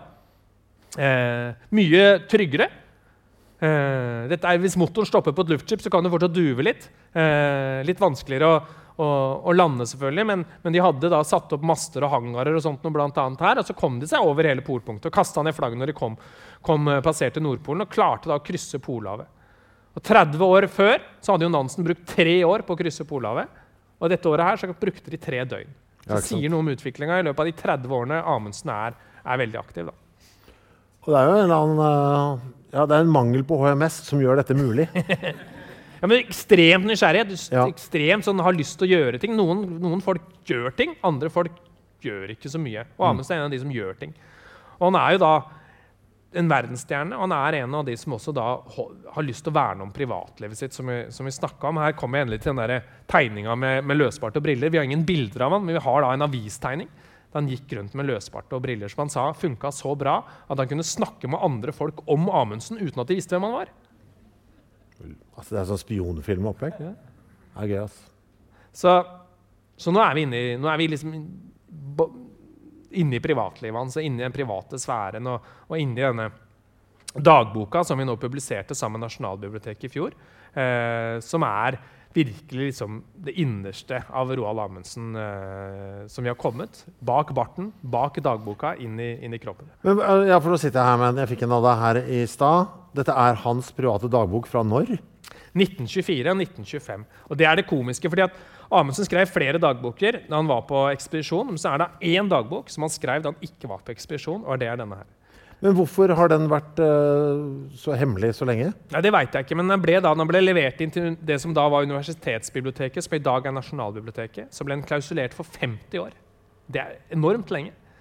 Uh, men den er veldig veldig privat, og den er skrevet som en lang lang kjærlighetsmonolog til kvinnen han da var på tuppa etter. Uh, så Når var den ble frigitt? 1990. Så det var en av den som åpnet uh, Tor Boman Larsen, uh, byens store polarhelt her i Drammen, som, som da var den første som brukte den forskningsmessig og, og, la grunnlaget for hans biografi på 90-tallet. Og så er den da for første gang nå utgitt i sin, sin helhet. Vi ga den ut både i Amundsens håndskrift, så man kan få gleden av å lese den, og transkribert hvis man ikke klarer å lese den. Hva sier dette om ham? Jo, det spennende med denne perioden her er jo at dette er det mest kaotiske året i hele Amundsens liv. Det er så turbulent, og det er det året han liksom går fra å være stor stor helt til å plutselig få en dupp. Eh, han plutselig liksom blir motarbeida. Det tar flere år før han vil komme hjem med en sensasjon. Det er penger som forsvinner. Han går personlig konkurs. Og eh, Det blir skrevet innlegg i han i avisen som liksom kritiserer ham. En svær kritiker på denne tida her er Arnulf Øverland, som skriver et illsint innlegg i eh, Arbeiderbladet nesten på rundt eh, nyttårsaften 1923 med 'Er det kaldt på Nordpolen?' Og Det er da et innlegg der han kritiserer liksom, den norske stat. Amundsen ønsker statlige midler til ny ekspedisjon. Arnulf Øverland er illsint, skriver bl.a.: La oss da gi ham penger syvende og sist og siste gang. La oss bevilge ham penger til et romelig og komfortabelt isskap med sol solid og forsvarlig lås. Og sett ham inn der, og la sånn denne gale mannen få det så kaldt som han trenger. Så det er klart, han går fra å være svær til å plutselig få dette.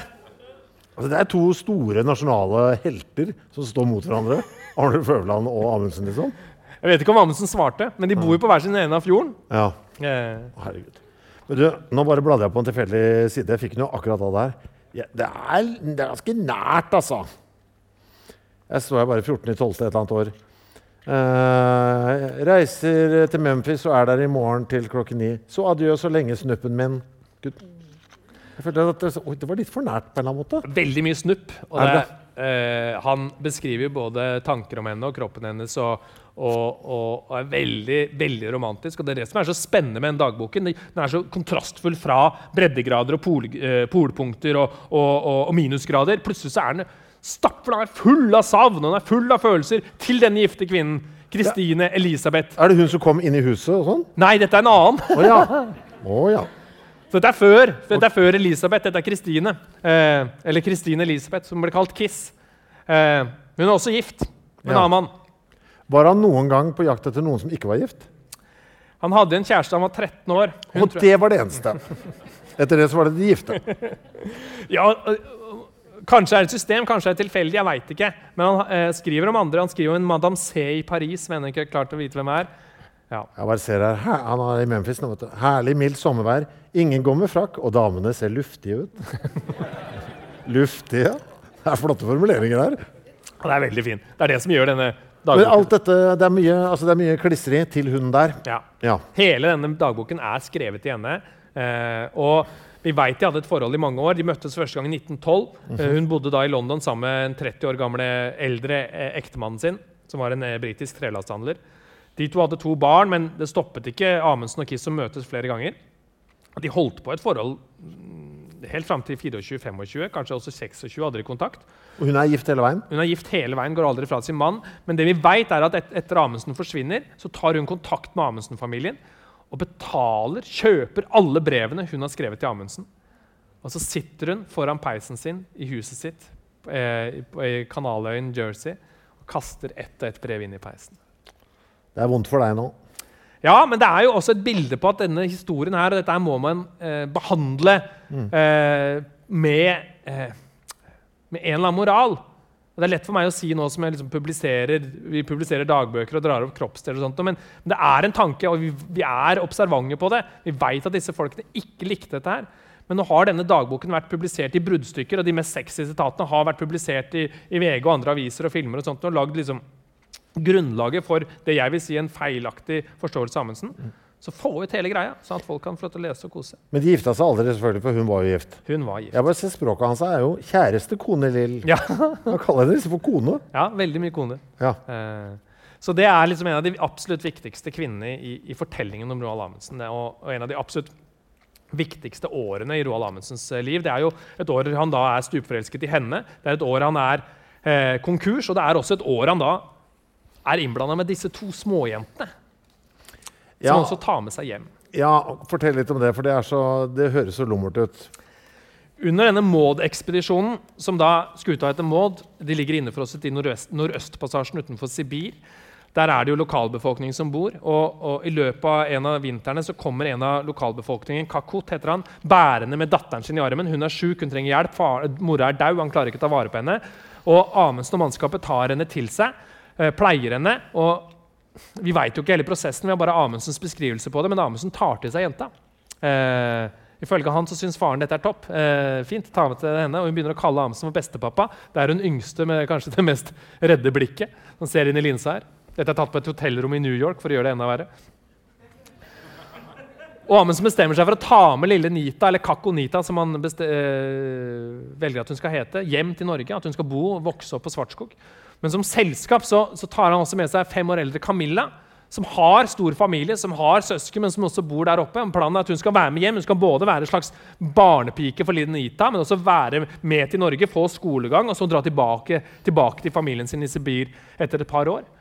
Så disse tre her drar da fra skuta. De drar til Nome i Alaska, de drar til Seattle, de drar til New York, og etter hvert så drar de til Norge. Og For disse to jentene her så blir det jo fullstendig noe annet. De drar gjennom Amerika sammen med en av verdens mest kjente personer. Og De blir jo verdenskjendiser uten at de vet uten at de kan språket, uten at de helt skjønner noe som helst. Og blir kasta inn i denne verden her. Men jeg skjønner ikke motivasjonen. Er det som suvenirer? Eller gjør han det for å være snill, eller hva er det han, hva er det, han tenker her? Han sier at det er et eksperiment en gang, men, men det må man ikke for, uh, feiltolke. Han er nok, helt, han er nok oppriktig glad i dem. Uh, men så kommer han da til September 1924. Han har gått konkurs, han har brutt med broren sin, som også har vært eh, en del barnevakt. Så velger han å sende disse jentene hjem. Eh, hjem til Sibir. Hjem til hun eldstes familie. Så de blir da håper å si halvveis organisert tur. De bruker ti måneder fra Norge eh, over Atlanteren gjennom hele Amerika. De blir organisert at de treffer litt som voksne som passer på dem fram og tilbake. Og kommer seg da tilbake til Camillas familie. Så, så det varer ikke evig. Ett og et halvt år bor de der et halvår på en kostskole i, i Danmark. Eh, så det er et, eh, en opplevelse for dem, på godt og vondt. Eh, Camilla, hun eldste, snakker nesten aldri om Amundsen igjen. Eh, mens Nita hun, hun beholder Amundsen-navnet eh, og holder foredrag om Amundsen etterpå. Så det er helt sånn to forskjellige oppfatninger og historier. Det er en veldig rar innskytelse å bare gjøre. Ja, men det er en av de vanskeligste historiene også å klare å forstå i dag. Mm. For Det er en av disse veldig gode eksemplene på at vi må forstå fortida i den konteksten. Du ville jo aldri latt en 50 år gammel mann ta til seg to jenter inn på et hotellrom i New York nå og virke, etterpå ta dem med hjem. Eh, eh, så det må på en eller annen måte klare å forstås. Eh, jeg har ikke helt klart det. og det er, det er, litt vanskelig. Jeg levde ikke en tida, jeg møtte ikke disse. Eh, snakket med slektningene deres, eh, men nærmere kom vi jo ikke. Så det. Noe hyggeligere? Ja. Vi har en bursdagsvideo. Å, herregud. Burs hvilken bursdag er det? I 1926. Det er Amundsen selverklært pensjonist. Så han inviterer da venner og familie til fest hjemme og kameramann. Og det er jo sterk alkohol servert, som dere ser på mannen ja, man som nå snakker til kamera. Altså, er det, er det, huset vi har vært innom tidligere? Ja, Det har aldri vært så mange folk der før eller siden. Det er langt over ti stykker som vi kan ha nå i dag. Det ramler ut, og det er uh, høy sigarføring. Uh, og veldig gøy å bli filma. Det er han ene broren Gustav som står og gliser her og virrer rundt. Og det, det er da venner, det er familie, det er ekspedisjonskamerater. Der står Amundsen med hvite dressbukser, og, og Oskar Wisting og en av de andre eh, polarkamerater som står der og nesten halvklår på ei. Det er ikke kona. Det er Hvor gammel er Amundsen her? 55. Ja. Han ser jo fryktelig mye eldre ut. Og det er, eh, det er bl.a. disse uthusene. Vi har funnet en del ting etterpå. Eh, det er en flott liten film. Vi har lyst til å gjenskape denne bursdagen her. En eller annen, sommerdag, så vi krangler om hvem som skal være Amundsen. du vinner den, vet du. ja, ja, Det avhenger på nesa, da, selvfølgelig. Vi har jo da spritoppskriften, og vi Altså, jeg, er, altså, jeg sitter nå bare og tripper etter å se den navlestumpen. Ass. Ja. Får jeg lov nå? ja. Skal vi gjøre det? Ja. Ja. Mens denne pågår? Men da Ja. blir det bare morsommere og morsommere film. Ja, For festen utarter seg? Ja, ja, ja. Men fordi nå har jeg, altså Hvis den var på storskjerm her Jeg har med vilje ikke sett på den uh, her. Har, hvordan var, for det første, ok, hvor skal vi begynne med? Hvordan var det å frakte den hit? Det er noe av det For du tok Du har i dag hatt Amundsen i sekken. Jeg har båret Roald Amundsen. Ja. Jeg har aldri tatt tog med Roald Men det var veldig rart. Jeg hadde han i sekken. tenkte jeg, så jeg går rundt og bærer på Roald Amundsen. Eh, det har jeg aldri gjort. Eh, eh, og jeg hadde han på toget, så jeg følte jeg måtte ha eget Det var første gang han kjørte med Viv, vet du. Ja, Ja. jeg hadde, jeg hadde lyst til å si til konduktøren at jeg har med, har med en venn, men det turte jeg ikke være. Hvor var det dere fant den? Altså, hvordan, for jeg skjønner, jeg skjønner eh, først, Forklar hva det er først. Skal jeg ta den fram? Ja, Ta den fram, ja. Den ligger jo i et monter. Det blir anledning. Du har ordna et monter spesielt for anledningen. Ja. Så det blir anledning til å ta selfies med denne etterpå.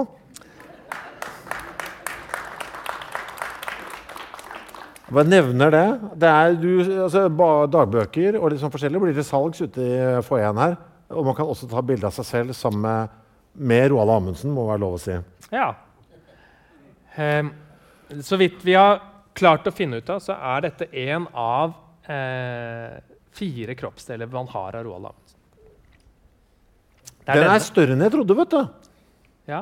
Dette er nav navlestumpen, den som detter av når du, etter å ha vært eh, baby en stund. Altså, du, nå surrer og går bursdagsfilmen i bakgrunnen der. Eh, Kommer det til å skje noe dramatisk her som vi burde følge med på? Er det det du sier? Nei da, den stopper snart. Det er bare hvis den skal fer bli ferdig med å nusse hun. Ja, ok. Men altså, hvilke andre kroppsdeler har dere? Eh, I Amerika så finnes det to jeksler. Ja vel. For Han var i Amerika i 1927, så fikk han tannverk. Så gikk han til dr. Hallenberg, og dr. Hallenberg var stor fan, så han tok vare på disse to tennene fra den dagen han hadde hånda inni. Altså, den festen utarter seg Ja, på skjermen her. Altså, det er uh, Det er dobbel dose med sherry i, den, eh, i miksen. Folk ramler og Ja, OK. Men jeg ser to jeksler i Amerika, og så er det litt skjegg. Litt skjegg. Ja, for I 1926 så gikk han inn på Stortorvet eh, eh, og satte seg og klippet seg på, på Grand frisørsalong i stol nummer én. Og da var det Pettersen som var barberer, visstnok. Og han skrapte opp litt av skjegget. Så det er eh, rødt og litt grått. Og det ligger da i en liten glasskuppel på Norsk Maritimt Museum. Han skjønte at eh, her sitter jeg på noe som kan bli verdt noe. ja, ja, et, han leverte i hvert fall til et museum, og det sier noe om at både tannleger i Amerika og frisører i Oslo liksom tar vare på disse delene. Eh, Men det skjønner jeg. Men Ja. det jeg ikke skjønner er hvordan dette kan bli tatt vare på. For nå, her er Amundsen en baby. Det er ingenting som skal tilsi at den stygge lille kladden der er verdt å ta vare på fordi at øh, denne lille babyen skal etter hvert komme Nei, Det er jo det rare her, at vi bare har Roalds navlestump. Ja, Eh, men det står jo på lappen. Roalds navle. står det, Få se. Står det Roalds navle? Nei! Roald, Roalds navle? Hvem er det som har skrevet dette? her? Nei, jeg veit ikke, men det vi veit, er jo vi har veldig god, eh, godt samarbeid og, og kjennskap og kontakt med slektningene til eh, brødrene til Roald Amundsen. Han fikk jo ingen egne barn, ikke så vidt vi vet, men han hadde jo tre brødre og slektningene til de. Eh, og så var vi hos de ene en gang. Vi har vært der flere ganger eh, og fått høre historier og alt, alt om arven. Så sier de plutselig eh, Ja, så har vi denne her, da. Og så ligger den Ja, vi har den bare her i skuffen. Ja, hva er det? Ja, så, ja, det bare ligger inni dette papiret. Ja, det er bare navlen. Men na navlen? Jeg husker ennå det, det, det var veldig rart å liksom, det, liksom holde noe så lett, men tungt. Men altså, da lå, er det den papis... Altså, det, der hvor det står Roas navle, er det liksom posen det lå inni? Mm. Den hadde de hatt liggende hvor? I en skuff? I en skuff. Men tok du da bare opp den, helte du ut i hånda og sa Hei, hei, hei. Nei, nei, nei. De, vi, vi, de, vi, de sa jo Det står jo hva det er. Ja, så du, Visste du hva du kom til å se? For jeg tenker navlen er et hull. Visste du at det skulle at, Ja, Du tenker at navlen drev i land? Jeg vet ikke helt hva det var for noe. Jeg vet ikke. Det er uh, jævlig stygt. Ja, jeg har jo lyst til å 3D-printe den og lage øredobber, men sjefen sier at de ikke kommer til å selge. Det kommer til å selge. Så jeg mener jo at vi bør selge mail til han, alle som hører dette. Altså i én-til-én. Men du, så utrolig godt bevart også. Mm. Var dette en greie å ta vare på navlestumper i gamle dager? eller? Det vet de jeg gjort ikke. det? Jeg levde ikke i gamle dager, men, men det er noen som gjør det ennå, tror jeg. Det er det, ja. Ja, jeg skal høre litt rundt, jeg. ja. Er dette første gang den vises fram, eller stiller dere den ut noe sted? eller hva gjør Den har stått i utstilling nå i fjor, Ja. i et lite monter der, men den har aldri vært på reise.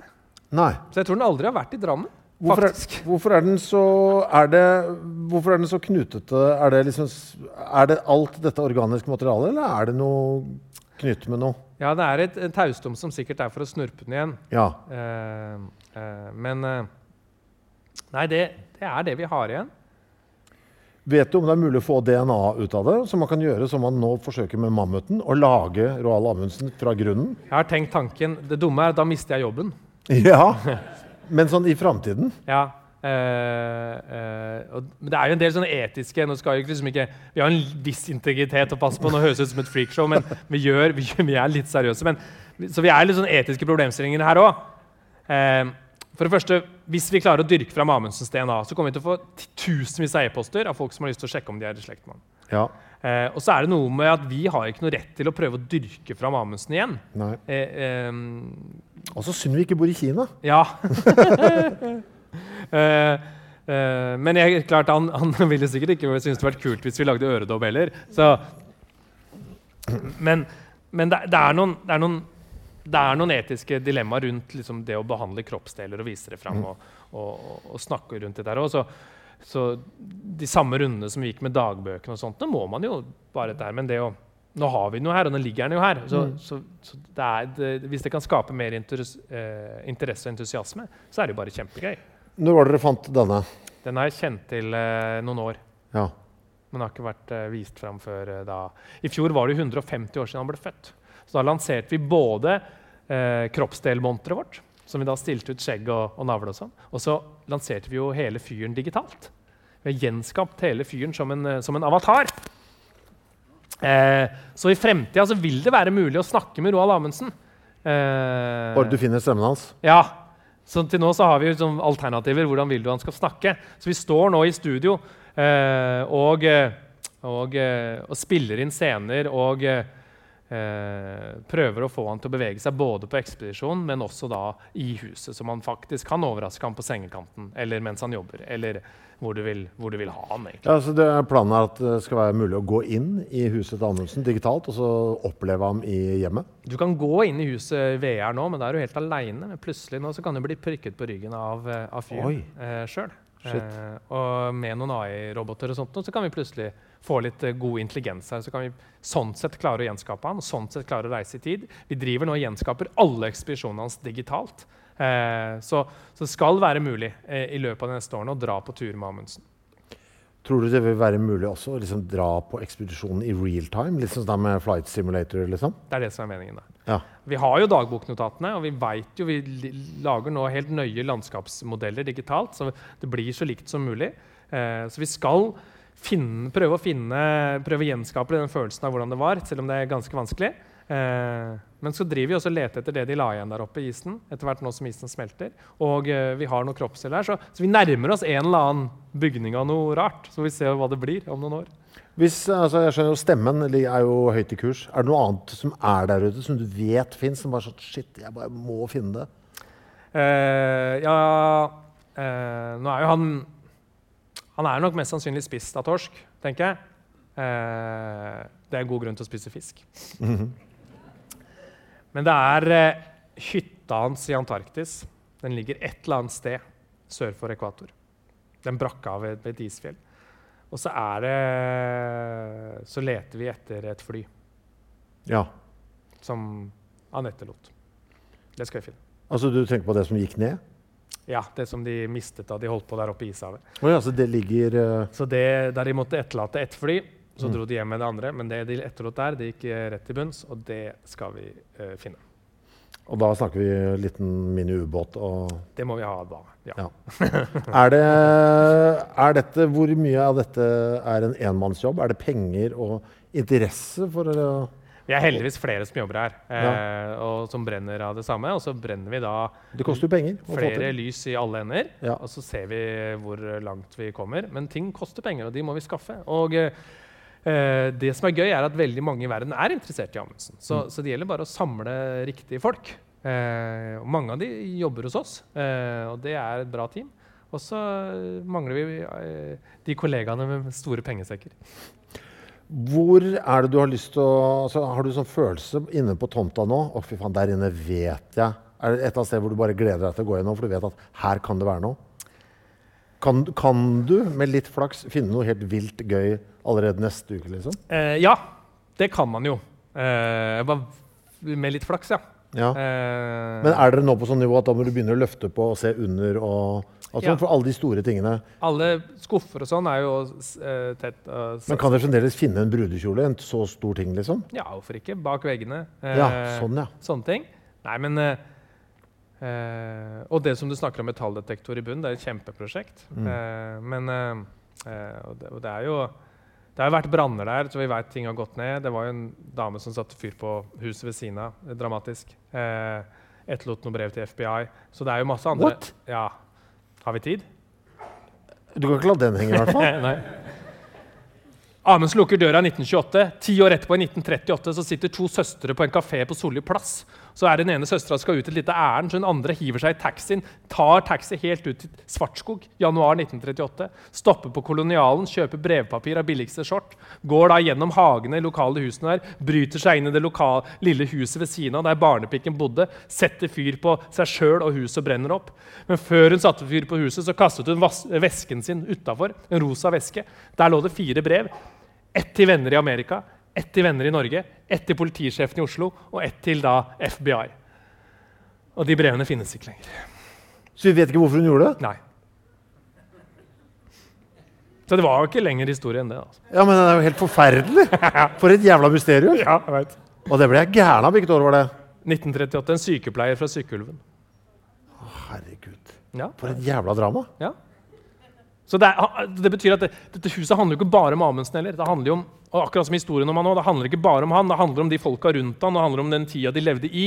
Så skal vi, være, skal vi bare bli sånn selvsentrert og bare fokusere på Amundsen, så kommer vi ikke noe vei. Vi må forstå hele de rammene og konteksten og sammenhengen han levde i, og bl.a.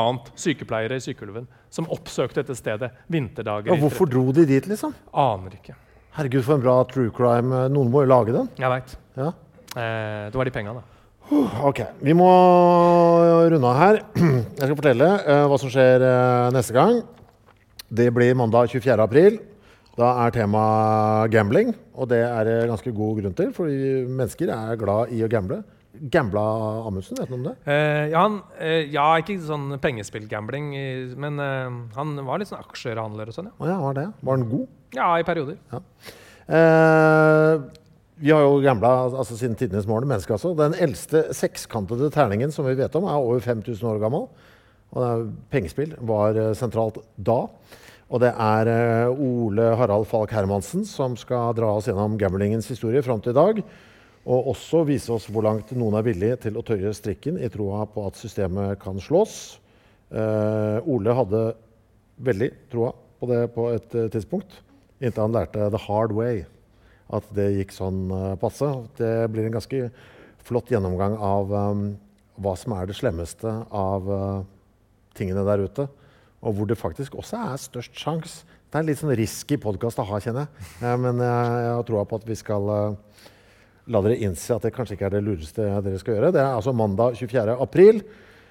Nå foreslår jeg at uh, alle som er her, tar turen ut til resepsjonsområdet.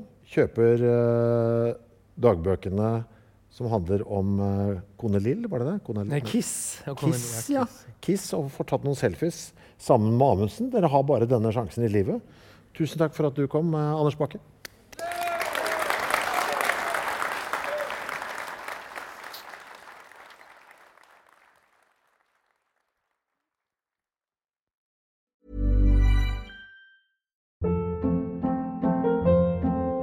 Hold up. What was that? Boring. No flavor. That was as bad as those leftovers you ate all week. Kiki Palmer here, and it's time to say hello to something fresh and guilt-free. Hello Fresh. Jazz up dinner with pecan-crusted chicken or garlic butter shrimp scampi. Now that's music to my mouth. Hello Fresh. Let's get this dinner party started. Discover all the delicious possibilities at hellofresh.com.